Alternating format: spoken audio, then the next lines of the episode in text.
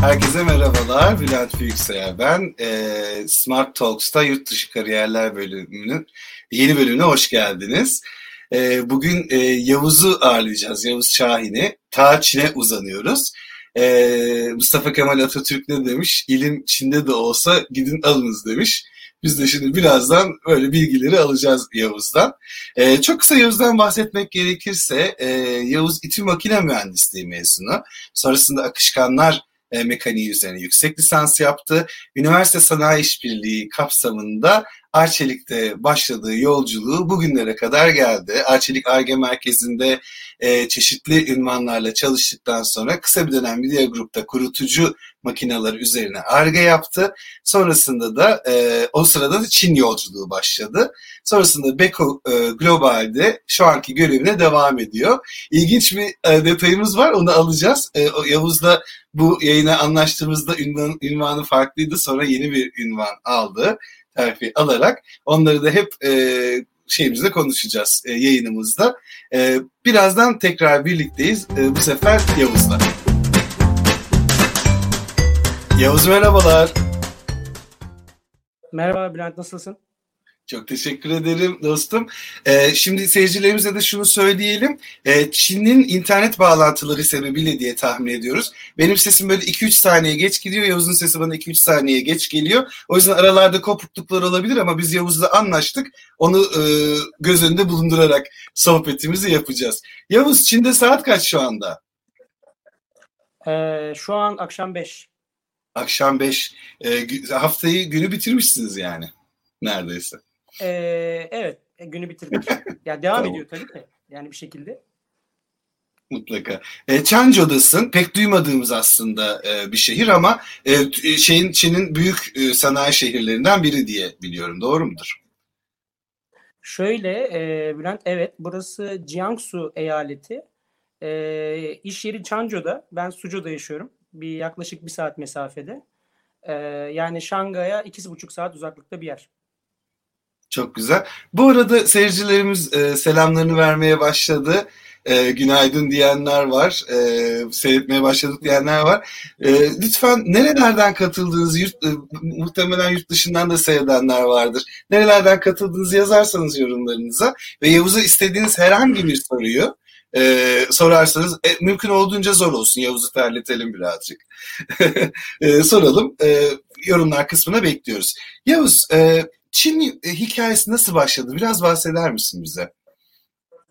Yani e, şöyle Bülent, hani sen bir önce bir geçmişten bahsettin. Şöyle başladı. Benim Çin'den bir davet almamla başladı bu. Midya e, şirketinden. O güne kadar aklımda vardıysa bile çok az açıkçası. Bu davetten 5 sene önce ben bir iş gezisi için geldim buraya. 3 günlüğüne açıkçası ama hani Çin'e geleyim diye bir planım yoktu. Benim bu daveti değerlendirmem ne oldu açıkçası. Hani e, burada biraz macera arayışı, risk arayışıyla oldu. E, yani Çin macerası buraya buraya buradan aldığım bir davetle başladı. Çin aklında olan bir şey miydi yoksa böyle davetle mi düşünmeye başladın Çin'e taşınabilir miyim acaba diye? Yani şöyle e, bazı arkadaşlarım Çin'e gelmişti. E, bulunduğum şirketten de gelmişlerdi. Açık e, yani bu yüzden aslında ilginç bir yer olduğunu biliyorum.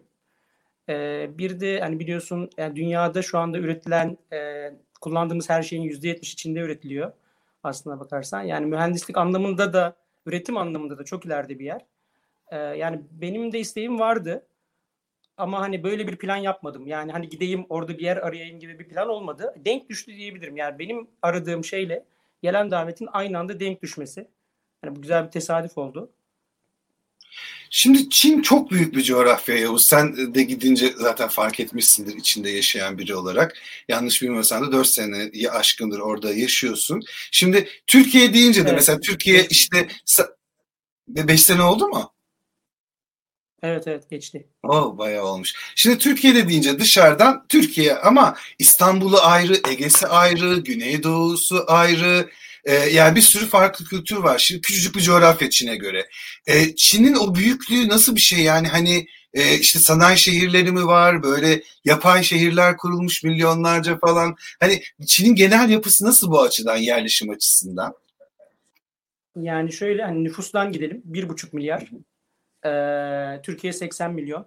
20 katı. Yani bir buradan başlayalım. 20 tane Türkiye var. Sen Türkiye içinde yaşadığın değişkenliği 20 ile çarp. Böyle söyleyebiliriz. Ee, yani dil hani sen Türkçeyi konuşursun. Bir lehçe vardır Karadeniz'de ama anlarsın. Burada o lehçeler farklı bir dil bile olabiliyor. Yani kuzey ile güney birbirini anlamayabilir. O yüzden sen dinlersin iki Çinli konuşurken Çince anlamasan bile sürekli bir tekrar olduğunu anlarsın. Yani bir şey bir taraf söyler, diğer taraf öyle mi diyorsun diye tekrar eder. En büyük farklılık bu. Hani dilden başlayalım. Onun dışında e, doğu tarafı daha sanayi, e, limanlara yakın olduğu için ilk buralarda başlamış. Güneyde Shenzhen'de başlamış. İkinci e, büyük sanayi demeyelim finans şekli Şanghay. İçerilere doğru biraz daha sanayi azalıyor. İçerilere doğru daha yeşil dağlar, ovalar bulabilirsiniz. Daha az gelişmiş. Ee, ama o taraftan bu tarafa göç var. O yüzden en kalabalık şehirleri de aslında doğu şehirleri. Bu, burada yaşayan herkes buralı değil. Yani gördüğünüz kişinin yüzde onu sizin bulunduğunuz şehirden olabilir. Özellikle Şangay ve e, Shenzhen için. Çok ciddi bir göç var. Bu göç de hiç durmuyor. Yani gidiyorlar ve geri geliyorlar. Ee, yani en büyük söyleyeceğim şey bu. Ama hani bir kere iklimden başlayabilirsin. Kuzeyi eksi 10 derece, güneyi 28 derece olabilir aynı anda. Hani iklim bir kere böyle düşünebilirsin. Bu e, yaşama şekillerini de etkiliyor. Yani güneydekiler daha çok dışarıda oturur. Kuzeydekiler eğlenirken bile daha çok içeridedir. Hiç dışarıda kafe görmezsiniz. E, yani doğuya doğru, batıya doğru gittikçe de dediğim gibi daha çok yeşil, hiç sanayi görmeyebilirsiniz. Tamamen yem yeşil bir yerde gezebilirsiniz. Tamamen e, lokal bir yerler, traditional bir yerde gezebilirsiniz özellikle. Hani o televizyonda gördüğünüz Çin eski kültürü buralarda yok bence.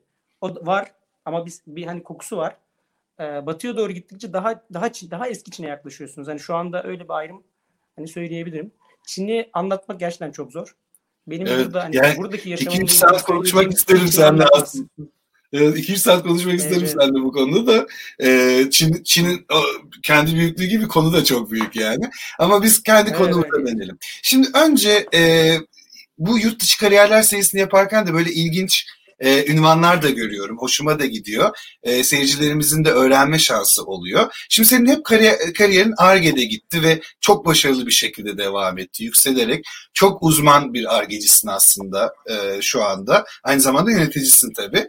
O yüzden benim ilk sorum şey olacak. Test ve onay yöneticisi ne iş yapar? Şöyle Bülent bu yeni pozisyonum bu arada. Bir haftalık bir pozisyon. Evet lütfen ondan da bahsetsene. Ee, çünkü Bizim evet, farklı oldu yani ya şey biz reklamımız. ben. Ne iş tamam. tamam. Evet, evet, evet, evet. Evet. Ya aslında şöyle önceden yaptığım iş e, fabrikada bunun bir kısmıydı. Ben fabrikadaydım. Fabrikadaki ARGE'de yer aldım. E, şu anda yaptığım iş fabrikada olmayacak. E, fabrikanın dışında test ve onay yapacağız. Bu nedir? E, bulunduğum şirket Çin'den komponent ve ürün alımı yapıyor. Ancak bunların onayını Türkiye'den yapmak gerçekten kolay değil. İletişim zor. Numune göndermeniz gerekir. Bağlantı koptu mu? Yo ben görüyorum seni. Bağlantı mı koptu bir yere? Yok hayır ben bazen seni ek- tek başına gösteriyorum ben... ekranda. Ha görüyorsun tamam. Yani bu şöyle tamam yani aslında şöyle hani biliyorsun yani bizim ürettiğimiz de aldığımız da çoğu şey Çin'le ilgili. Çin'den kopmamız çok zor. Yani ham maddesinden tut mekanik komponentine, ürününe kadar. Yani bir ütü buradan alıp bunu tasarlatıp siz satabilirsiniz. Ee, daha çok sourcing ile ilgili yani temin ürünle ilgili bu.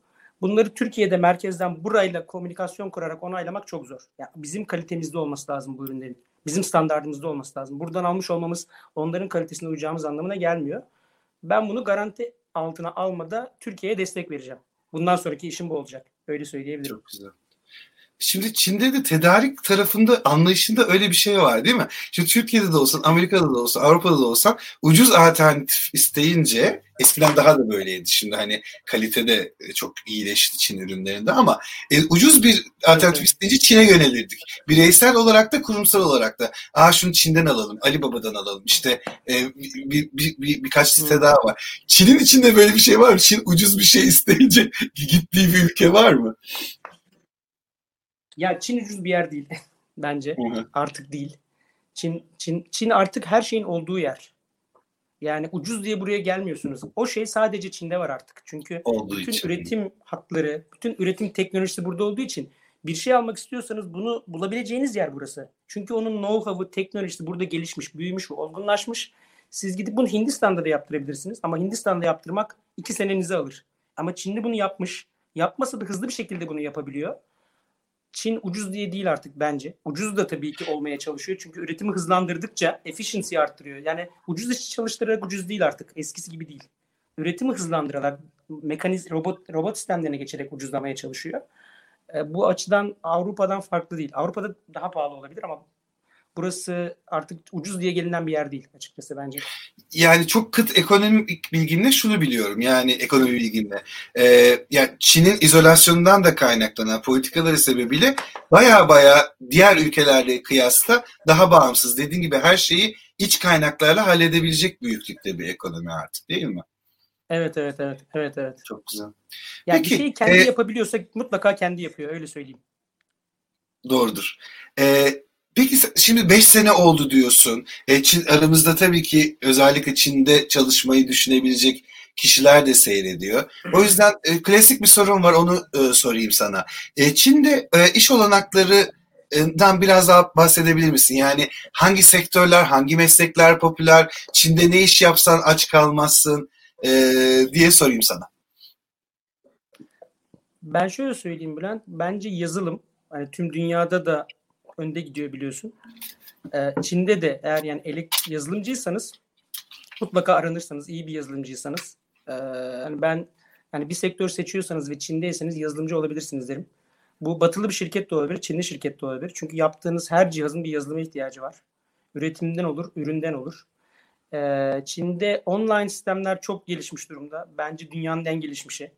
Yani ben şu anda nakit para taşımıyorum. Yok gerçekten yanımda yok. Her şeyi online olarak ödüyorum.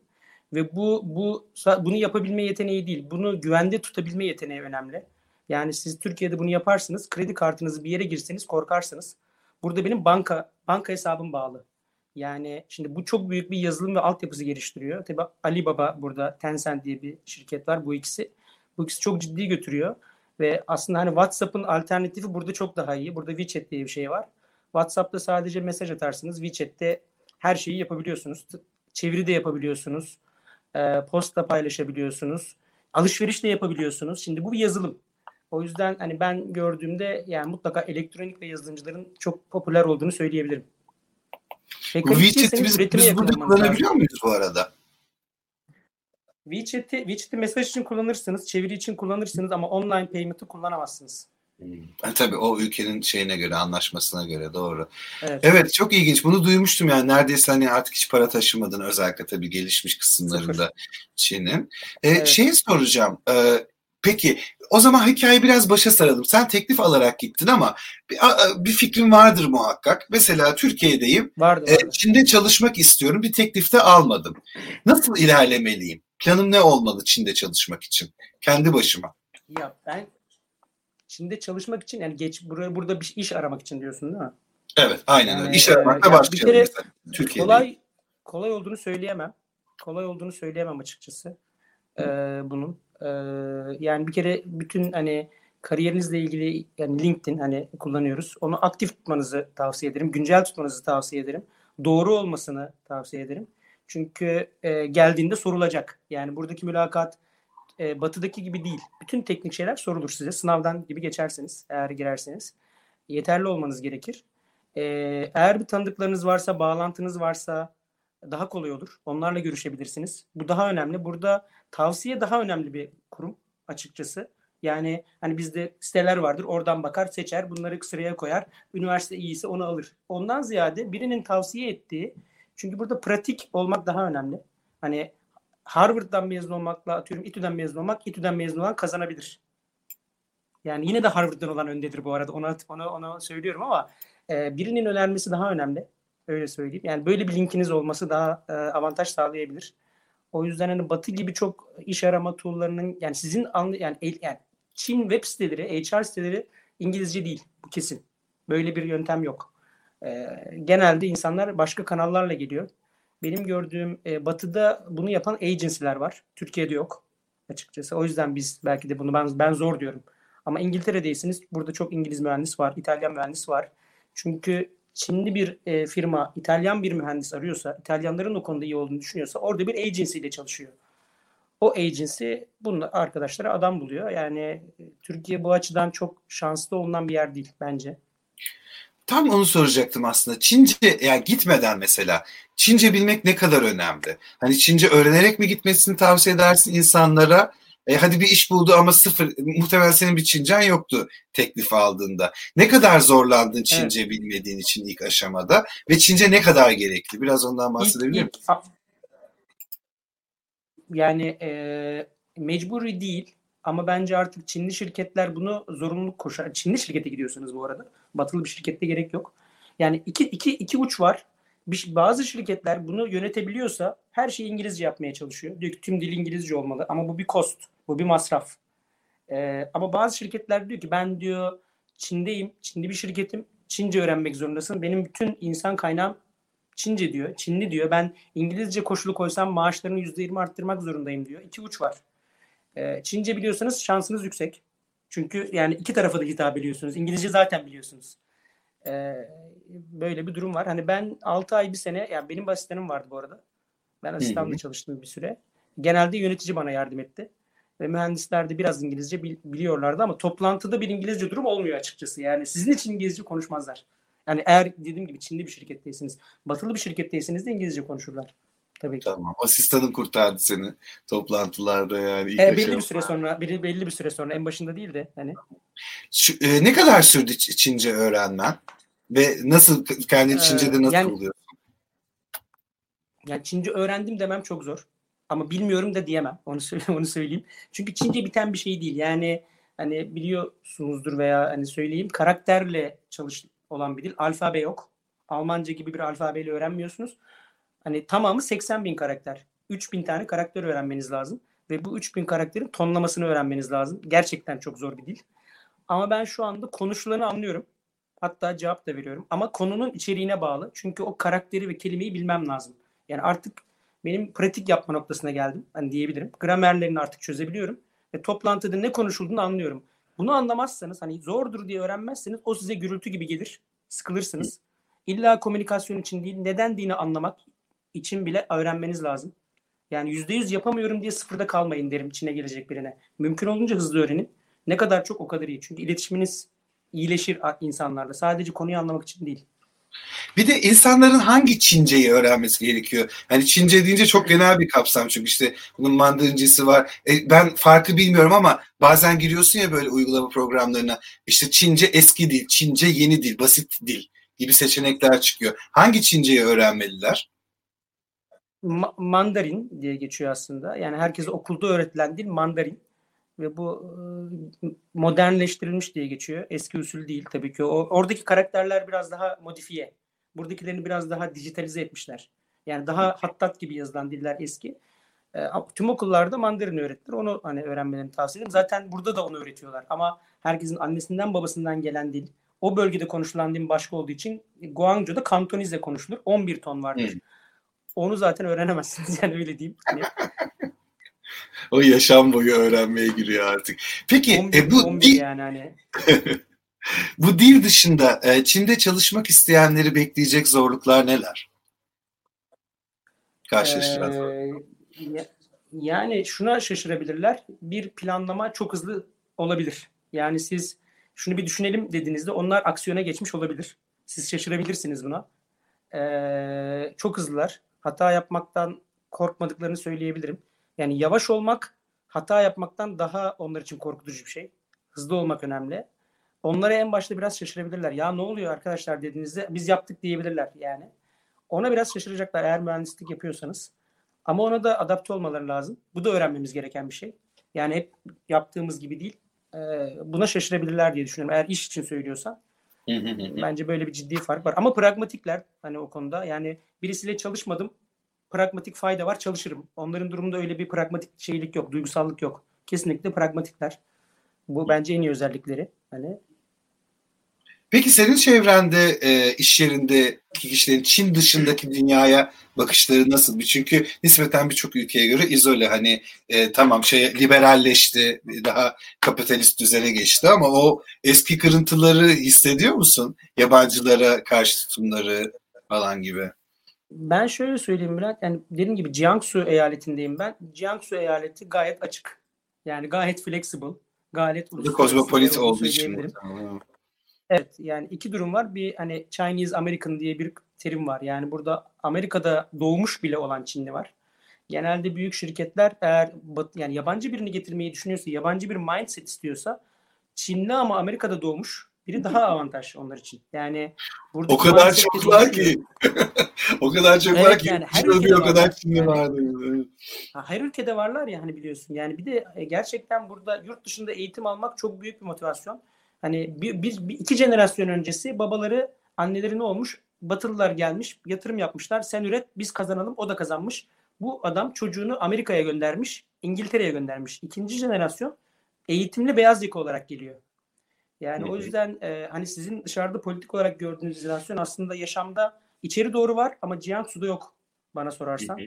Yani gayet Benzerliklerimiz neler? Ben onu soracaktım. Diyebilirim. E, ama evet, tabii popülasyon çok büyük olduğu için Hani e, yüzde onu çok uluslararası. Geri kalan yüzde onu hiç bilmiyor olabilir. Yani evet. çok büyük diyoruz ya hani uniform değil. Yani öyle bir problem de var. Benzerliklerimiz var mı Çin e, ve Türk kültürü arasında? Çalışma kültürü yani özellikle. Çalışma kültüründe benzerlikler e, yani şöyle biz bir batıya göre biz de hızlıyız. Hani bir Alman'a göre Türkler hızlıdır. Ben ben öyle bakıyorum. Yani onlar daha kurallar, kural, prosesle gider. Biz biraz people driven'ız. Bunlar daha da people driven. Öyle değil. Yani benzerliğimiz yani biz biz proses driven olmaya çalışıyoruz. Batı tamamen proses kurar. Herkesin bellidir her şey. Biz deriz ki yani bir kişi de götürebilir bir işi başından sonuna. Bu, bu arkadaşlar da organizasyondan daha çok bir kişinin alıp götürmesi daha önemli. O açıdan benzerliğimiz var ama yine de bu arkadaşlar daha o tarafta. Yani öyle söyleyeyim. Ben böyle sen anlatırken hep ee, daha agile, pratik... agile duyuyorum arkadan. Ve sanki adamlar ya, agile, agile, agile olmayı başarmışlar. Evet Peki. Adını, adını bilmiyorlar ama agile olabilirler evet. Aynen. Ee, yani peki biz yani. buradan gitsek hangi tür insanlar Çin'de mutlu olur Türkiye'den giden? Kimler mutlu olur Çin'de? Yani şöyle abi şöyle e, yani uyum sağlamayı biliyorsan e, farklılıklara şaşırıp bununla mutlu olabiliyorsan ya bu farklı bu bana uymuyor diyorsan zor. Yani farklılıkları yüzde yüz uyum bekleme. Yani öyle bir şey olmayacak. yüzde yüz uyum bayılırsan mutsuz olursun. Ama hani e, yani işte ben ben yemek seçen birisiyim ama onların bu yemeği yemesinden her zaman rahatsız değilim. Yemek çok konuşulur Çin'de. O yüzden söyledim. Dediğim gibi uyum sağlama özelliği en önemli özellik olmalı. Uyum sağlayamıyorsanız çok zor. Çünkü bildiğiniz her şeyin tersini görme ihtimaliniz çok yüksek. Yani bir örnek vereyim. Hani sıraya girersiniz. Türkiye'de biri önünüze geçse kavga çıkar değil mi? Burada herkes birbirinin önüne geçiyor ve hiçbir şey olmuyor. Herkes yüzüne gülüyor falan. Bu beni çok şaşırtıyor benim mesela. Için cina- yani benim için cinayet sebebi yani. evet evet. Yani ben şuna şaşırıyorum. Yani burada benim bu şehirde olmuyor da Şangay'a gidiyorsunuz. Tren sırada biri telefonla konuşarak önünüze geçiyor. O da başkasının önüne geçiyor. Çinler hiçbir şey olmuyor. Yani hiç kimse birbirine kızmıyor. Çünkü diyor ki ben de yapıyorum, o da yapıyor diyor. Şimdi bu size yapıldığında sinirleneceksiniz siz. İkincide diyeceksiniz ki ben de yapayım falan diyebilirsiniz yani. Ama bu hani değişin diye demiyorum ama buna uyum sağlamanız lazım. Yoksa çok zor bir hayatınız olabilir. Ee, yani bazı şeyleri kabul etmeniz lazım. Her şeyi demiyorum. Ama bazı Hı-hı. şeyleri kabul etmeniz lazım bence. Bu arada daha sorun var ama izleyicilerimiz gerçekten daha da güzel sorular soruyor. O yüzden e, sohbetimizin son bölümü izleyicilerimizden gelen e, sorulara ayıralım. E, kronolojik gidelim. E, Neşe Hanım sormuş, e, Doktor Neşe Uğurkan hmm. İstanbul'dan. Covid-19 iş hayatında neyi değiştirdi? Çin'deki iş hayatına muhtemelen bahsediyor. Ve Türkiye bundan nasıl ders çıkabilir? Evet, Çin hem e, Covid'in çıktığı memleket olarak tanındı hem de aldığı hızlı önlemlerle. Biz gerçekten çok güzel bir soru. Teşekkürler Neşe Hanım. Türkiye olarak Çin'den bu konuda e, nasıl dersler alabiliriz? Senin gözleminle tabii. Yani her şeyi her şeyi aynen uygulamamız lazım. Birini atlasak yanlış olur. Öyle söyleyeyim. Çünkü bu hani hani bu olayın e, bilimsel anlamda baktığınızda en başında bir hasta ya bu. Bir hasta şu an 50 milyon hasta ya. Çin şöyle bakıyor. Bir hasta bile olmamalı.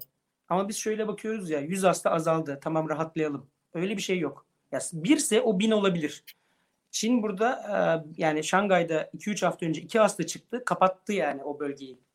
Ve 3 haftadır orası medium risk. Ama oradakiler mutlu yaşıyor. O 14 bin kişiyi test etti. Ya bu ekonomik gücünüzle ilgili, kararlılığınızla ilgili, bir de bunu yaptığınızda insanların sizinle uyum sağlaması ile ilgili. Hükümet olarak bunu yapsanız insanlar da tepki gösterebilir. Buradaki insanlar buna uyum sağlıyor. Bunun bir amaç ve kararlılık olduğunu biliyor. Bence bu toplumla da ilgili, sadece Çin'le ilgili değil. Yani gerçekten şu anda Covid benim bulunduğum şehirde hiç yok. En ufak bir hastalık belirtisi olsa herkes maske takıyor. Şimdi yani Türkiye'de günde 30 bin hasta var. Maske nasıl takılıyor ben bilmiyorum. Yani bu sadece hükümetin yapacağı, hükümet de bir şeyler yapmalı. Ama maskeyi takmanız lazım yani. Bundan kaçamazsınız. Diyorum burada hastalık yok. Herkes maske takıyor yani. Yani takıyordu. En azından en ufak bir hastalığınız varsa maske takıyorsunuz. Adam diyor ki normal grip bile olmaman lazım diyor. Çünkü normal grip bir şüphe demek.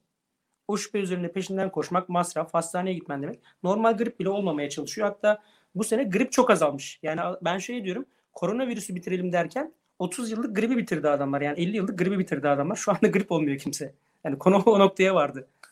Evet, o yüzden çok yani... iyi.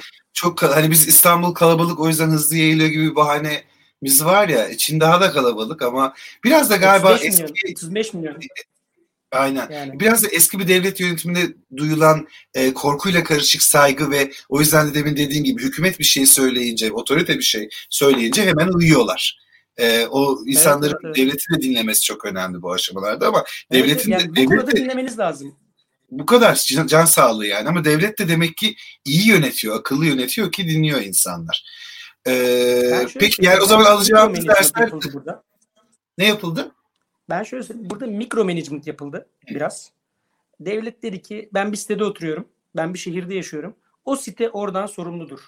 Çünkü bu kadar büyük bir coğrafyayı merkezi bir hükümetin yapması mümkün değil. Benim sistem bu siteyi güvenlikli korumaktan yükümlü. Bunu yapmanız lazım. Biraz otonomi vermeniz lazım açıkçası. Bu arada kusura bakma aynı anda ya, konuşmuş olduk. Yo yo o ses gidip, geç gidip geliyor yapacak bir şey yok. Yerli yönetimlerde evet. çok önemli diyorsun. O zaman yer, e, Türkiye nasıl ders çıkarabilir sorularını yerli yönetimler biraz otonomi sahibi olabilir. Daha e, duruma özel hızlı çözümler getirilebilir ve insanların da dinlemesi gerekiyor diye anlıyoruz. Evet. evet, ee, evet şimdi evet, evet. çok güzel esprili bir yorum var Sultan. E, Sultan'ı tanıyorum İngiltere'de. ABC'ler ve BBC'ler diyor. Yani American born Chinese and e, British born Chinese diye herhalde. Evet. Onların kısaltması. Yerli Çinliler bunlara muz diyorlarmış. Dışı, dışı sarı, içi beyaz. Hiç duydun mu bunu? Yok. Ben hiç Bak kullanma da bundan sonra. Gerçi sen evet, kullanırsan algılayabilirler kullanma. Bir, teşekkürler yani, Sultan. Bir sorumuz da. E, olabilir. Mümin sormuş. E, Çin'den hızlı aksiyon alma konusu dışında ne öğrenebiliriz? Yine çok güzel bir soru. Demin dedik ya hani neleri farklı bu adamların iş kültüründe. E, evet e, hızlı aksiyon alma bir açıdan güzel. Bunun dışında öğrenebileceğimiz iş, iş kültürüyle ilgili e, Çinlilerden e, ne tür değerler var sence? Ş- şöyle söyleyeyim. Bir hata hızlı yap hızlı yapınca hata da yapıyorsunuz tabii. Her şeyi etraflıca düşünmüş olmuyorsunuz. Hata yaptıklarında o hatada ısrar etmiyor arkadaşlar. Hemen değiştirebilirler. Yani şu çok ben şunu hatırlıyorum bu Çin şirketinde çalıştığımda mutlaka herkes neleri yanlış yaptığını bildirmek zorundaydı. Ya belki hiç yapmadım diyebilirsiniz değil mi? A, direktör şunu diyor. Nasıl olabilir böyle bir şey ya diyor. Neleri hata yaptığınızı bana raporlayın diyor. Yani neleri hata yaptığını raporlayıp bunu düzeltmemiz lazım diyor. Daha iyi ne yapabilirsiniz? Bu çok iyi. lesson learn diyoruz ya İngilizce olarak. O yani bir ürün çıkar bir hata olur hemen düzeltiyor arkadaşlar. Ya bu hata değildir. Belki değildir. İnanmıyorum böyle bir şey yok. Hemen düzeltelim, koşalım durumu var. Çünkü hı hı. problemin yani ne olduğunu biliyor. Hızlı yapınca hata yapma oranım yüksek. Bunu biliyorum. Böyle bir risk var. Onu da bari hızlı düzelteyim diyor. Hani onun onun çıktısı bu. Yani hata hani, hızlı yaptıkları için hızlı yaptıkları için e, hata yapma olasılığının farkındalar ve bunu öcü gibi karşılamıyorlar. Yani e, şey e, hata yapınca böyle abo falan şaşırma yok. E, ve bunu da hızlı bir şekilde çözüyorlar. Aslında çözüm hız çözüm odaklılığı da getiriyor o zaman. Evet ben şöyle söyleyeyim koronavirüsten örnek dünyanın gördüğü örnek en başında hızlı aksiyon aldı almadı bir, bir tartışma konusu değil mi şu anda ama şu anda aldıkları aksiyonlara bakarsan ya o zaman yavaştım şimdi yavaşım demiyor. Şu an her gün daha hızlı aksiyon ediyor değil mi? Hani orada yaptığım hata diyor. ve diyor burada değil diyor artık. Ben onu yapmamam lazım diyor. O çok hızlı öğreniyor. Ona inat etmiyor yani. Yani Amerika bekledi 6 ay. Ben buna problem yok. Trump'ı biliyoruz neler dediğini. Bizde bir hasta var bilmem ne. Ya o aksiyonu alamadı bu inadın yüzünden. Onun hata olduğunu görmediği için halen de alamıyor. Burada öyle bir inat yok. Öyle söyleyeyim sana. Güzel. Yani aklın yolu bir diyor adamlar. Hata yapsak da evet. çözüme doğru yol alıyoruz diyorlar. Hani bilim Çin'de de olsa alırım dedin ya o olmuş olabilir yani. Öyle diyeyim. Kesinlikle, kesinlikle. Ee, bile kısmı artık mesela se, e, saygıdeğer Atatürk şu anda yaşasaydı o bile kısmını kaldırabilirdi. Çünkü o zaman Çin bu bunu e, ön planda değildi. Ya, evet. Çin, Çin'de gidin alın derdi muhtemelen. Bugün yaşasaydı. Evet, yani mutlaka. Tabii tabii tabii. Lokasyonun bir önemi yok. Aynen. Bu arada yorumlarda nereden katıldın yazan e, seyircilerimiz oldu. İstanbul, Edirne gibi yurt dışında yoktu galiba bugün. E, o ha Sultan vardı doğru. O da İngiltere'den katıldı. E, Yavuz e, sana çok çok teşekkür ediyorum. E, süremizin sonuna geldik. Son eklemek istediğin bir şey var mı? Ben teşekkür ederim Bülent. Bu uzun yıl sonra seninle görüşmüş olduk. E, yayından sonra da ben hani dinlediğin için, konuk ettiğin için teşekkür ederim. Ben, ben ben de çok teşekkür ediyorum. A- aynen öyle vesile oldu. Ee, gerçekten 20 dakika öncesine göre Çin'den e, Çin'le ilgili daha e, fazla bilgi sahibiyim. Hatta sen de böyle Smart Talks Çin, Smart Talks China diye bir seri yapalım. Çünkü konu o kadar büyük ki 20 dakikaya sığdırılacak kadar. Evet. Ben çağırırım arkadaşları. Tek tek gireriz biz ekrana. Öyle bir şey yapabiliriz. Ama hızlı hızlı onların istediği gibi hızlı hızlı. Böyle tabii tabii merak etme. 5 dakikada biter o. Gelir gider gelir gider. Yan yana otururuz geçeriz yani. Yavuz, e, tanıdığım tanımadığım mutlaka Türkler vardır Beko Global'de de seninle birlikte. Var var, senin tanıyanlar var.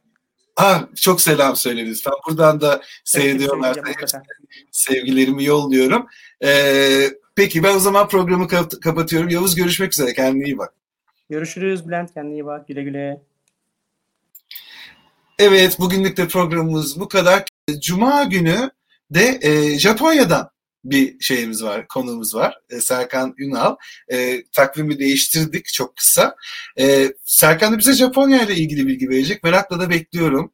E, mesela ikisi de uzak doğu diye kabul ediyoruz ama bambaşka kültürler Çin'e göre. Yorumlarınız, sorularınız için çok çok teşekkürler. E, lütfen e, hep bunu sormayı unut, söylemeyi unutuyorum ama ne olursunuz e, yazın e, bana hangi ülkelerden kimleri görmek istiyorsunuz konuk olarak? Hangi ülke, hangi şehir? E, ben mümkün olduğu kadar çeşitlilik e, yaratmaya çalışıyorum ama özellikle spesifik merak ettiğiniz bir ülke varsa seve seve araştırır oradan e, güzel bir konukla e, karşınızda olurum tekrar. Herkese tekrar çok teşekkür ediyorum katılımları için. İyi hafta sonları şimdiden.